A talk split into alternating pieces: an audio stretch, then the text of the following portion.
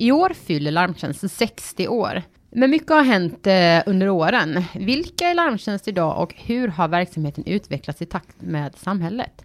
På vilket sätt arbetar Larmtjänst för att minska försäkringsrelaterad brottslighet? Ni lyssnar på Larmtjänstpodden och idag ska vi prata mer om larmtjänst. Mitt namn är Åsa Lundin och på plats har jag med mig Mats Galvenius som är VD på Larmtjänst och Gabriel Ogden som är utredare på Larmtjänst. Hej och välkomna! Hej och tack! Halloj! Eh, vi gör så här, vi, vi börjar eh, podden med att bara kort, kort presentera eh, vilka vi har i studion, Mats. Ja, min namn är Mats Galvenius och jag är VD på Larmtjänst sedan drygt tio år. Men jag har också uppdrag för vårt moderbolag Svensk Försäkring. Och jag är Gabriel Ogden, en av utredarna som varit här i snart tre år med fokus på IT-forensik och dokument. Mm. Eh, Mats, kort, vilka är Larmtjänst? Ja, Larmtjänst. Vi är en eh, organisation finansierad av de svenska sakförsäkringsbolagen. Så vi jobbar branschgemensamt med att motverka försäkringsrelaterad brottslighet på olika sätt. Med specialistkunskap och expertis inom det området. Mm. Och som jag sa i inledningen här så fyller ju Larmtjänst 60 år idag och det är eh, en eh, lång verksamhetstid så att säga. Men det är ju väldigt mycket också som har hänt längs med den tiden. Eh, om vi backar tiden då 60 år tillbaka, vilka var Larmtjänst då? Ja, larmtjänst började faktiskt som en telefonväxel eller en larmcentral för, som var gemensam för ett par sakförsäkringsbolag dit man kunde ringa om bilen gick sönder på vägen, en slags vägassistanstjänst. Mm. Och till den kopplades sen eh, bärgningskåren, eh, så att man även skickade ut bärgningsbilar och, och sen rullade det där på, man ökade tjänsterna, började arbeta med fler typer av larm. Eh, man gjorde också något som heter restvärdesräddning, det vill säga när det hade brunnit eller det var en vattenskada så åkte man ut och tog reda på egendomen så att den inte blev förstörd. Och även SOS International som fortfarande finns kvar i ett eget bolag, eh, det vill säga de som hjälper en om man råkar illa ut på en resa, mm. eh, kopplades till larmtjänst. Så att vi var en stor verksamhet med flera hundra anställda eh, när det var som mest. Mm. Ehm, jag nämnde också här precis i, eh, i, i början i inledningen att Larmtjänst nu då jobbar med försäkringsrelaterad brottslighet. Eh, försäkringsrelaterad brottslighet kanske inte är helt eh, klart och tydligt för alla. Vad, vad menar vi när vi pratar om försäkringsrelaterad brottslighet? Försäkringsrelaterad brottslighet, det är egentligen, vi brukar säga att det är fyra typer av brott. Dels är det stöldbrottslighet. Sen är det eh, bedrägerier och då tänker vi mest på försäkringsbedrägerier. Och sen är det anlagda bränder och skadegörelse. Mm. Om vi då eh, förtydligar det, hur, hur specifikt jobbar, eh, om vi ger något exempel på hur larmtjänst jobbar mot den här typen av brottslighet?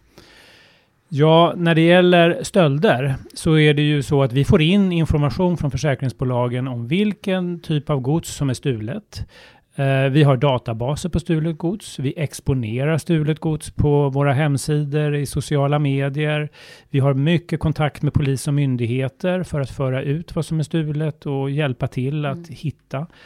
Uh, och sen arbetar vi med mycket expertis kring stölder och stöldmodus. Uh, och vi gör undersökningar av sånt som anträffas, framförallt av fordon. Mm. När det gäller uh, bedrägerier så tillhandahåller vi många olika branschgemensamma verktyg för försäkringsbolagen. De utreder ju själva försäkringsbedrägerierna, men vi kan hjälpa dem med olika typer av eh, verktyg och eh, tekniska tjänster som de kan behöva.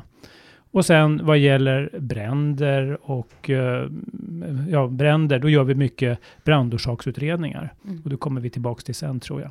Skadegörelse jobbar vi inte så mycket med. Det är, eh, är svårarbetat brottslighet. Men eh, bilbränder är ju en typ av skadegörelse mm. och det, det, kommer vi ju in på. Mm. Um, vi spelade faktiskt in ett avsnitt om, eh, om larmtjänst och vilka larmtjänst eh, är eh, 2016 när vi startade upp podden. Eh, men till och med det börjar bli eh, relativt inaktuellt avsnittet om man nu vill veta kort vilka larmtjänst är. Eh, det har ju faktiskt hänt ganska mycket eh, sen, sen 2016 på de här få åren. Kan du, skulle du kunna kort göra någon form, eller kan du göra en redovisning? Vad, vad är den största skillnaden liksom från, från då till idag? Ja, om vi går tillbaks då tio år tillbaks i tiden, då var larmtjänst väldigt fordonsinriktat. Om vi, och då kan vi backa ännu lite mer tillbaks. På 70 och 80-talet var Sverige utsatt för mycket fordonsrelaterade stölder. Och det var den verksamhet som blev kvar när man liksom skalade bort all, all den andra verksamheten under 70 och 80-talet. Så var det specialistkompetens, expertkompetens kring fordonsstölder. Mm. Och det är fortfarande viktigt för oss. Men vi insåg för ett antal år sedan att eh, fordonsstölderna minskar. Eh, även om det fortfarande sker mycket organiserade stölder och dyrbara stölder så är det en verksamhet som den blir mindre i andel av de skador som försäkringsbolagen har. Det är annan brottslighet som ökar och blir viktigare för försäkringsbolagen. Mm. Och då hade vi ett arbete, vad är det som behövs i framtiden? Och då var ett tydligt medskick från våra medlemsbolag eller kundbolag att eh, vi behöver mer kriminaltekniska tjänster. Eh, polisen har idag inte resurser att göra ordentliga brandutredningar eller andra typer av djupa utredningar som hjälper oss att komma vidare i oklara försäkringsfall. Och då måste försäkringsbranschen tillhandahålla det själva. Men det är för dyrt för varje försäkringsbolag att sitta med den kunskapen. Så vi har gått mot att bli en teknisk Eh, tekniska experter kan mm. man säga. Och då pratar vi om, eh, när vi går in på den här kriminaltekniken, då pratar vi om bränder, bränder i fastighet, vi pratar om bilbränder eh, och vi har ju också utvecklat den här typen av tjänsterna genom att eh, anställa eller köpa in en brandhund. Kan du berätta lite om det? Ja, eh, brandorsaksutredningar är något som behövs och då är det framförallt fastighetsbränder vi jobbar med. Och då eh, har vi ju sedan ganska många år en brandtekniker eller en kriminaltekniker med expertis på brand. Men när man kommer till en stor brandplats, eh, inte minst en industribrand eller eh, någonting annat, ett stort, stort område som har brunnit, då är det ju ett hästjobb att veta var man ska liksom börja leta efter var den här branden kan ha startat, om det är någon brandfarlig vätska eller så. Mm. Uh, och där är ju brandhunden ett enormt, uh, en enorm fördel. Den kan ju på någon minut tala om uh, var det har funnits brandfarlig vätska i detta stora område, så att man kan koncentrera utredningen på det lilla området och börja ta brandprover. Och kan ju spara timmar eller dagar eh, i utredningsarbetet genom att få brandhundens markeringar. Mm. Och eh, hos oss har vi ju en anställd då, kriminaltekniker. Eh, eh, tidigare tjänstgjorde inom Polismyndigheten. Eh, och där vi, det är samma person då som även gör de här inbrottsanalyserna. Vad, hur går, eh, hur, vad innebär en inbrottsanalys? Ja, då är det ju inbrottsvägen man tittar på. Hur har eh, inbrottet gått till? Hur har eh, man tagit sig igenom en dörr eller tagit sig förbi ett larm? Det är den typen av analys man gör. Och man kontrollerar, stämmer det här med iakttagelser? Stämmer det vad med försäkringstagaren säger? Mm. Och så skriver man ett protokoll som kan ligga till grund för om försäkringsbolaget ska eh, liksom, betala ut den här ersättningen eller om man ska avböja skadan. Mm. Eh, utöver det så gör vi andra tekniska analyser. Vi gör bland annat dokumentanalyser och här jobbar du mycket med dokumentanalyserna i Gabbe. Vad innebär en dokumentanalys? Dokumentanalysen är eh, kvitton som inte är digitala, vilket man kanske kan tro att de flesta är. Men det finns fortfarande köp som görs utomlands och eh, där eh, kvittot är från ett kvittoblock som fylls i med kunduppgifter och godsuppgifter med bläck. Mm. Och de kvittorna kan behöva undersökas i oklara försäkringsfall för att validera att det är samma typ av eh, bläck som används över hela dokumentet till exempel. Mm. Det kan handla om att eh, påvisa skillnader eller likheter eh, internt eller externt mot andra dokument. Vad är det som till exempel, ehm, du, du, eh, du nämner här lite olika saker som man kan titta på, men vad, vad, vad, brukar man göra till exempel om vi säger att det är ett, nu, ett bedrägeri, någon som försöker få ut kanske mer pengar eller liknande, vad, vad brukar man kunna se att man har gjort för, för saker där? Ja, det enklaste är att man skulle kunna krydda med på extra nollor på till exempel vikten eller summan. Mm. Eh, Och varför är det viktigt att, eh, att titta på dokumenten här? Det är helt enkelt för att avslöja. Ja, eh, för, ja, för att det ska bli rätt också. Eh, för att skadan ska hanteras utifrån den skada som, som det är. Mm. Och för försäkringskollektivet. Mm. Eh, Gabi, vi kommer alldeles strax tillbaka till dig. Eh, Mats, vi gör även nyckelanalyser, en annan typ av analys. Ja, då är vi inne på eh, den fordonstekniska delen igen. Eh, att vi har väldigt god kunskap att läsa olika typer av fordonsdata. Och en viktig datakälla för fordon, det är ju den som sitter i nyckeln. Nyckeln är ju som ett USB-minne som man stoppar in i bilen när man startar den nu för tiden. Och man kan läsa då nyckeldata allt sånt kan ju vara väldigt viktigt när man utreder ett försäkringsärende. Mm. Det kan ju både vara ett stöldärende, men det kan även vara andra typer av försäkringsfall för att se vem det var som körde bilen och, på, och så vidare. Och det här är ju sånt försäkringsbolagen sedan använder för att besluta eh, om man ska betala ut skadan eller inte. Mm. Eh, Gabbe, du sa att du har varit anställd här i cirka tre år och du kom ju in med lite annan kompetens som vi tidigare inte har haft på Larmtjänst. Eh, kan du berätta lite kort om vad eh, vad ditt fokus lite är med den här IT-forensiken. Mm. De sista åren inom Uppsala polisen gjorde jag som eh, IT-forensiker. Och eh, det jag tagit med mig hit är framförallt undersökning av, eller spegling och analys av mobiltelefoner. Men även i viss mån att eh, kontrollera och undersöka bilder som har skickats in till utredare på försäkringsbolagen. Mm. Att undersöka bilderna som har kommit från en person till en annan och sen vidare till mig är oftast ganska knepigt eftersom eh, bilderna många gånger komprimeras eller förändras och får eh, annorlunda tidsstämplar. Så därför har vi haft flera fall där vi eh, speglar och analyserar Försäkringslagens mobiltelefon då det har behövts för att verifiera uppgifter. Mats, eh, du nämnde här precis i början att om man jämförde verksamheten för cirka tio år sedan så har det ju tagit en liten annan inriktning. Eh, varför är det viktigt att göra den här typen av eh, ändring av verksamheten eller varför går man mot det här hållet? Ja, vi arbetar ju på uppdrag försäkringsbolagen, så vi gör ju det som de känner att de behöver stöd med. Mm. Och ju mer eh, världen och omvärlden digitaliseras, eh, desto mer hjälp behöver man med teknisk expertis. Eh, det har man som sagt var inte alltid i alla försäkringsbolag själva. Och då kan vi tillhandahålla det. Mm. Och det behövs för att kunna göra opartiska och välgrundade utredningar som gör att folk får rätt försäkringsersättning och så att man inte kan utnyttja systemet genom kanske att man gör eh, tekniska eh, som, som Gabbe pratade om, skickar in fejkade bilder och annat. Det är, ju, det är ju en ny värld vi lever i på det området. Mm.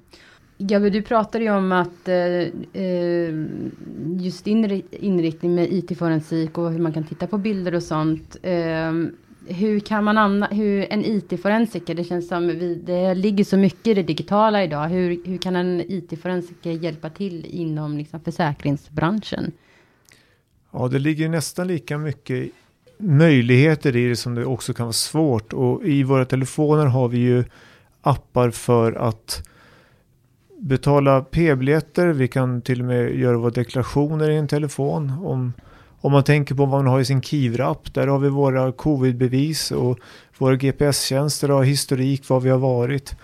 Så om man tänker på våran brandhund, den åker alltid ut på bränder. Mm. Men jag tycker att det finns egentligen ingen begränsning i vilken typ av skada och försäkringsärende det ska vara för att det kan vara relevant med en IT-forensisk undersökning av en telefon. Mm. Eftersom det handlar många gånger om, eh, kan handla om plats, det kan handla om kommunikation, det kan handla om att hitta ett, eh, ett, eh, en bilaga som har skickats, det kan handla om egentligen massor av saker som handlar om som, där knyts där själva originalet är. Och det är det som gör det så många gånger viktigt att gå just på telefonen. Eftersom vi som medmänniskor använder den dagligen. Mm. Vi, telefonen registrerar massor och det är därför vi behöver den informationen ibland. Mm. Och jag kan också nämna det, du har ju varit med på den tidigare och pratat om just det IT-forensiska arbetet. Så att om man vill lyssna lite mer detaljerat om den typen av arbete som vi bedriver på Larmtjänst så kan man gå in och lyssna på det avsnittet också. Eh, Mats, vi har pratat mycket, mycket om eh, den här utvecklingen mot det digitala, mot de här analystjänsterna som, eh, som Larmtjänst erbjuder till försäkringsbranschen. Eh, jag tycker också det är viktigt att eh, vi bara belyser den, de olika typerna av samverkansprojekt som vi också gör, där vi där vi jobbar med olika myndigheter och eh, intressenter och liknande för att kunna motverka försäkringsrelaterad brottslighet. Vi har ju bland annat då vägsamverkan, om du kort bara berättar om det. Ja, vägsamverkan är vårt senaste brottsförebyggande samarbete. Det är tillsammans med Sveriges Åkerier och Maskinentreprenörerna och polisen och det går ut på att försöka få eh, de som rör sig längs vägar, åkerier, förare, maskinentreprenörer, eh, att rapportera in när man ser, lämna tips när man ser misstänkt brottslighet. Tipsen går ju huvudsakligen till polisen, men gäller det stöldgods eh, så går det även till oss så att vi kan identifiera om det är eh, stulna maskiner eller så som rör sig på vägarna eller om det är eh, eh last med, med, med, med stöldgods som är på väg någonstans. Det där tror vi är oerhört viktigt att man engagerar hela samhället för att eh, komma åt brottsligheten. Det är lätt att bara säga att polisen ska göra mer, men vi kan alla göra mer om vi håller ögonen öppna och eh, hjälper till att eh, öka tilliten och öka tryggheten i samhället. Mm. Och du är inne på ehm, eh, fordonsbrottsligheten, det som tidigare Larmtjänst jobbade eh, mycket med, eh, där vi hade mycket stöldbrottslighet så att säga. Ehm, vi har ju fortfarande stölder av bilar och det som vi ser eh, nu för tiden är ju mycket den här internationella kopplingen med de här organiserade stöldligorna som är här i Sverige. Kan du kort prata lite om det här eh, hur arbetet, samarbetet eh, funkar internationellt? Ja, alltså för det första har vi ett nära samarbete med polisen i Sverige. Vi ser ju, vi får ju leveranser dagligen över vilka Eh, bilar som stjäls från vägtrafikregistret. Så vi följer det väldigt noga och då ser vi ju, fångar vi upp trender, vilka bilar, vilka platser är just nu utsatta. Då kan vi ha en kommunikation med polisen kring detta. Sen sker det ju även ett arbete dels inom Interpol för att försöka nysta upp de här ligorna. Då är vår input eh, ganska viktig i det, precis som det är från andra länder naturligtvis. Men eh, sen sker det ju ett erfarenhetsutbyte på teknisk nivå över de här stöldmoduserna. Alltså vad är det för tekniska manipulering som görs av bilarna? Rent, det har vi ett nära internationellt samarbete och försöker återföra den kunskapen till tillverkarna, inte minst, att man skärper och eh, gör det svårare att stjäla bilarna. Mm här har vi en, också en nyckelroll på många sätt. Att uh, identifiera uh, olika manipulationsvägar och tala om det för tillverkarna. Mm. Uh, vi har pratat om lite hur, hur Larmtjänsts verksamhet nu då har eh, förändras och moderniseras, eh, hur det ser ut i samhället och hur eh, även då försäkringsbolagen vill att vi, vi jobbar åt dem. Eh, om vi ska försöka spåna lite framåt, vad, vad, tror, vad tror ni eh, om, om framtiden? Och Mats, vad tror du om, om Larmtjänsts verksamhet framöver? Ja, någonting som vi redan har börjat titta på och nosa på och utifrån vad våra försäkringsbolag eh, säger att de behöver hjälp med Eh, och det är egentligen big data, det vill säga att man ur stora datamängder, deras skadestatistik i princip, ska kunna filtrera ut och få fram trender vad gäller bedrägerier eller annan brottslighet. För det är ju enorma mängder, det är ju miljontals, det är ju tre miljoner skador ungefär som försäkringsbolagen i Sverige eh, tar emot varje år. Och om man därur kan filtrera information som talar om vilka trender på, mm. på brottslighet som är på gång. Eh, det här har vi börjat titta på. Det här är delikat. Ur, vi måste ju följa GDPR och annat naturligtvis fullt ut. Men det går ändå att göra en del saker och vi har tittat på vår brittiska, eh, våra brittiska kollegor. Det finns något som heter Insurance Fraud Bureau som arbetar på det här sättet och det är ganska intressant. Så big data, det tror jag är något som kommer att bli av intresse även för oss framöver. Mm. Och Gabbe, du som har dina IT-forensiska glasögon eh, på dig hela tiden. Eh, har du några tankar om hur IT-forensiken skulle kunna vara till hjälp eller i, om framtiden sådär? Ja, jag tror att det nästan bara är fantasin som kan sätta stopp eller inte sätta stopp. Om vi, om vi, vi har pratat om att larmtjänst är 60 år och då var väl bilarna stora, tunga, förgasardrivna motorer och nu så är det en självkörande elbil istället. Och vad framtiden då har, jag, jag tror Självklart kommer digitaliseringen gå ännu, ännu längre. Samtidigt så vet vi ju att, eh, eller har vi märkt att de stora telefontillverkarna gör väldigt mycket för att skydda sina eh, kunders, eh, alltså sina kunders eh, data i telefonerna. Och det får vi ju se hur det går med de IT-forensiska programvarorna och eh, de eh, telefoner som tillverkas ifall det är så att eh, det är en vacker dag kommer en telefon som egentligen helt saknar anslutningar. Som bara går på någon form av eh, ansiktsdata ett fingeravtryck. Mm. I, I vår bransch blir det i och för sig kanske inte sånt stort problem i och med att det bygger på samtycke. Men mm. Just i IT-forensiken i stort så tror jag att det kan bli både uppgång och nedgång. Mm. Och Mats, du var ju också inne på um, eh, om det här big data, men också vikten av att hela tiden följa eh, GDPR. Kan du berätta lite, lite om det och det arbetet? Ja, jag kan sticka ut här och säga jag tycker egentligen att GDPR är väldigt bra. Den mm. har gett oss tydliga ramar för vad som är tillåtet och inte tillåtet. Och här jobbar ju vi väldigt strikt. Vi har GDPR-jurister med oss hela tiden så att vi inte gör några över, liksom stiger över några gränser på något sätt. Mm. För vi jobbar ju alltid mot egendomen. Vi är inte intresserade av att jaga brottslingar, det gör polisen. Vi mm. jobbar med tekniska identifieringar, tekniska analyser.